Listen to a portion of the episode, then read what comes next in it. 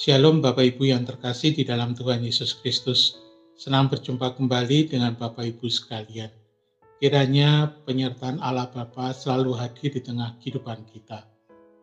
Sebelum kita merenungkan firman Tuhan, mari bersama kita berdoa.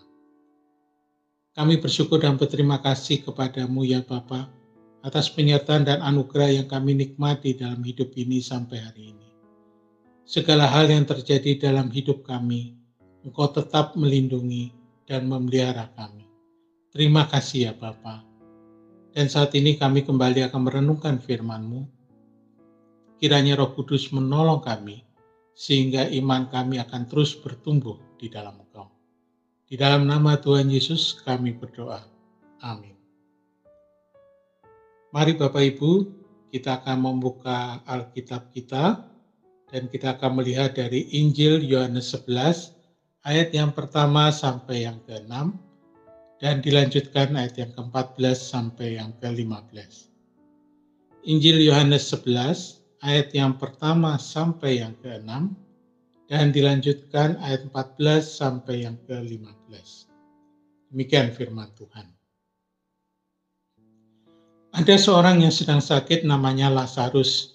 Ia tinggal di Betania, kampung Maria dan adiknya Marta.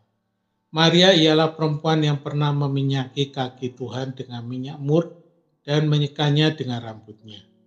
Dan Lazarus yang sakit itu adalah saudaranya.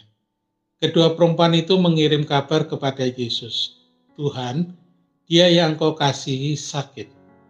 Ketika Yesus mendengar kabar itu, ia berkata, penyakit itu tidak akan membawa kematian, tetapi akan menyatakan kemuliaan Allah sebab oleh penyakit itu anak Allah akan dimuliakan. Yesus memang mengasihi Marta dan kakaknya dan Lazarus. Namun setelah didengarnya bahwa Lazarus sakit, ia sengaja tinggal dua hari lagi di tempat di mana ia berada. Kemudian kita lanjutkan ayat yang ke-14 dan 15. Karena itu Yesus berkata dengan terus terang, Lazarus sudah mati. Tetapi syukurlah aku tidak hadir pada waktu itu. Sebab demikian lebih baik bagimu supaya kamu dapat belajar percaya. Marilah kita pergi sekarang kepadanya. Bapak Ibu, saat ini kita sedang memasuki masa Advent. Kita tahu bahwa masa Advent adalah masa pengharapan, penantian, dan persiapan untuk kedatangan Tuhan Yesus Kristus Kata Advent berasal dari kata Adventus yang dalam bahasa Latin artinya kedatangan. Jadi kita sedang menanti kedatangan Tuhan. Menanti terkadang membuat kita bosan, lelah, dan bahkan terkadang putus asa.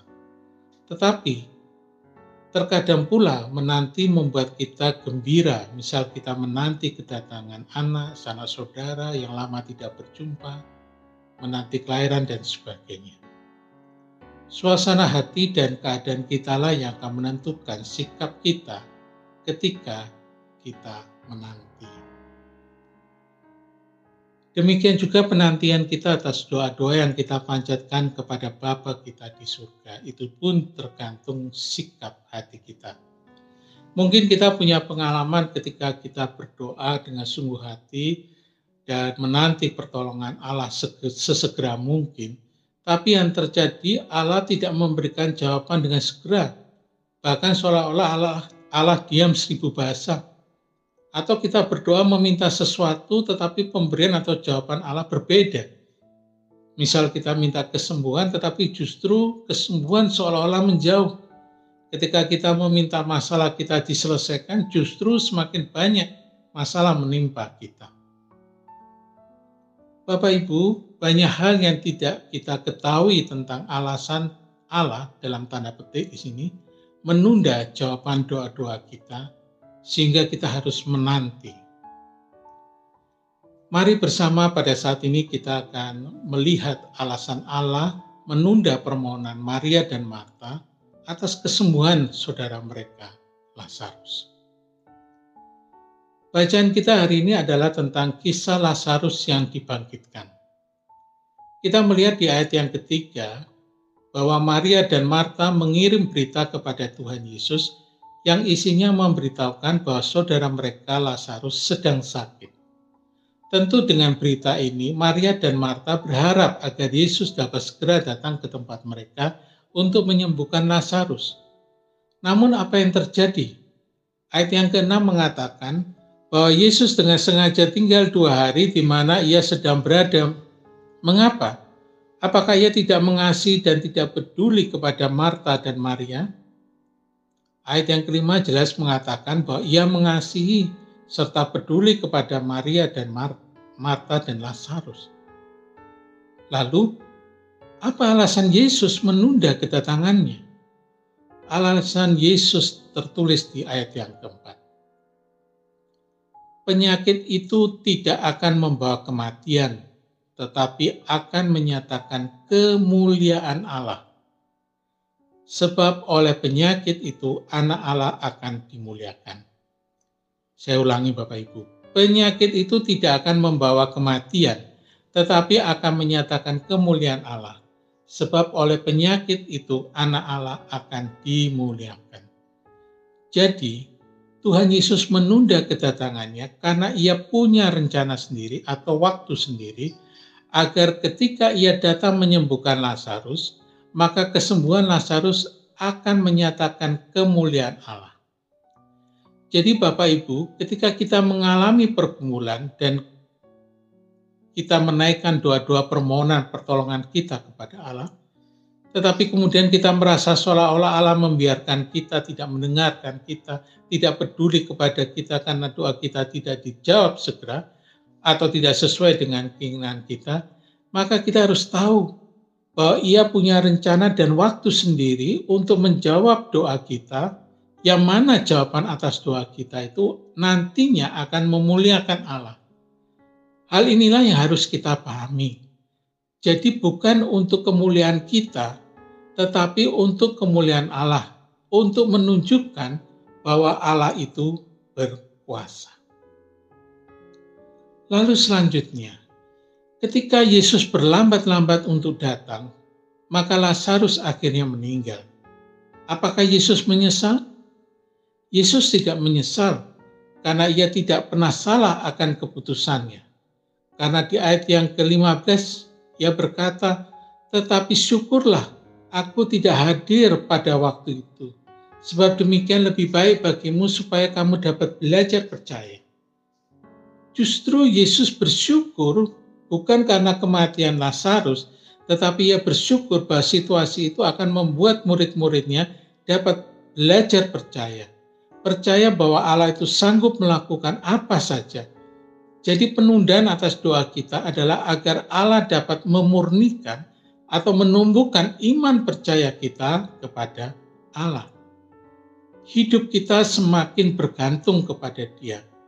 Dengan kita semakin bergantung kepada Dia, makin maka semakin kita melihat karyanya yang luar biasa di dalam kehidupan kita.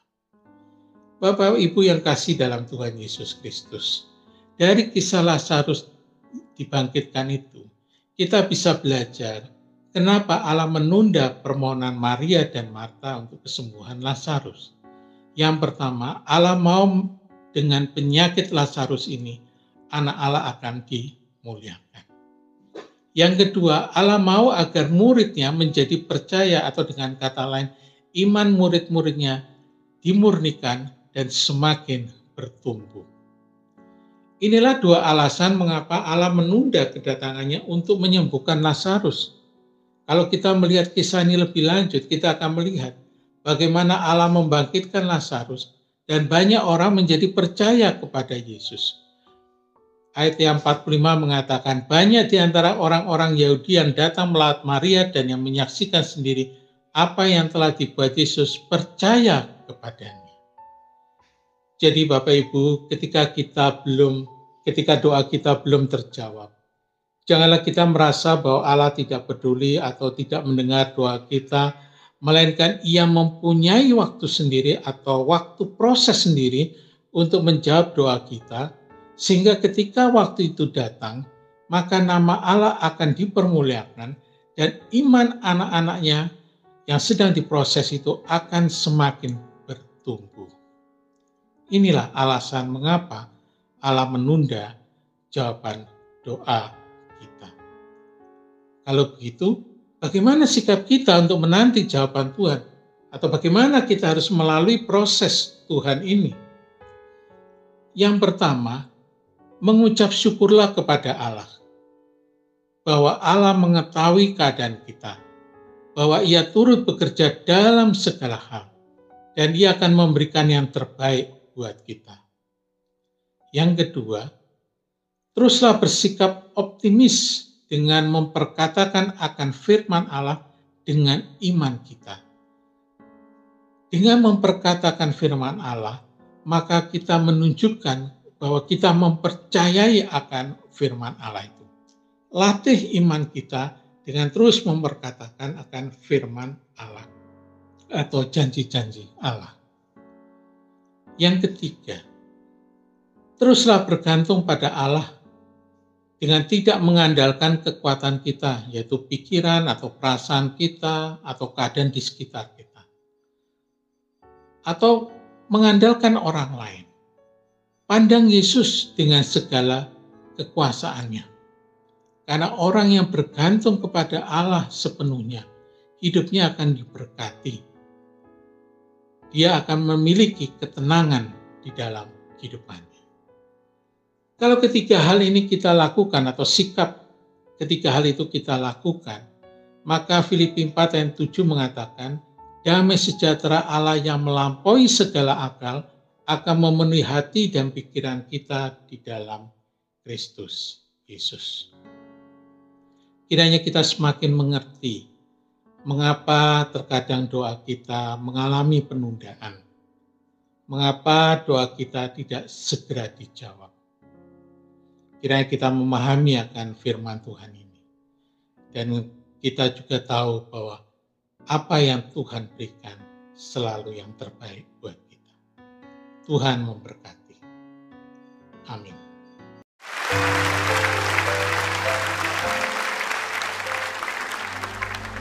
the news came to Jesus.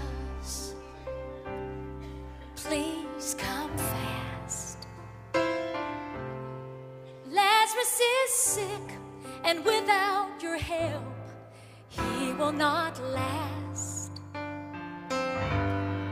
Mary and Martha watched their brother die. They waited for Jesus, he did not come, and they wondered why. The death watch was over,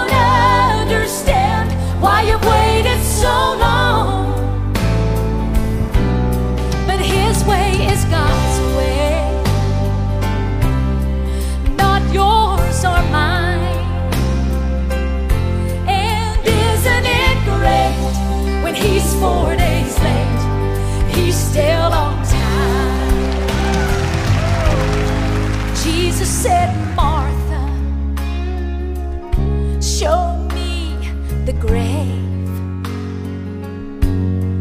But she said,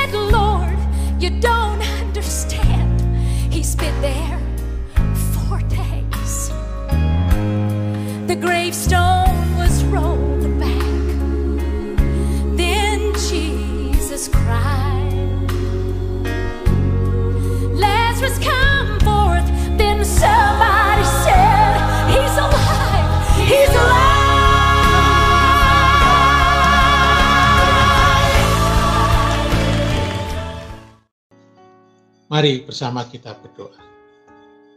Bapak terima kasih untuk firman-Mu, kami semakin mengerti bahwa Engkau selalu mendengar doa kami, dan Engkau menjawab doa kami sesuai dengan waktu-Mu, agar namamu dipermuliakan dan iman kami bertumbuh. Oleh karena itu Bapak ajar kami untuk bersikap bersyukur atas apa yang kami alami, karena Engkau akan memberikan jawaban yang terbaik atas permasalahan hidup kami, dan ajar kami pula untuk terus memperkatakan firman-Mu dan mengandalkan Engkau. Terima kasih ya Bapak, kami juga berdoa untuk aktivitas kami dan masa depan kami, di mana kami mau menyerahkan kepadamu sebab engkaulah yang memelihara kehidupan kami. Kami juga menyerahkan gerejamu di mana pun berada, biarlah gerejamu semakin bercahaya di tengah dunia ini, sehingga banyak orang yang boleh mengenal akan kasihmu terhadap umat manusia.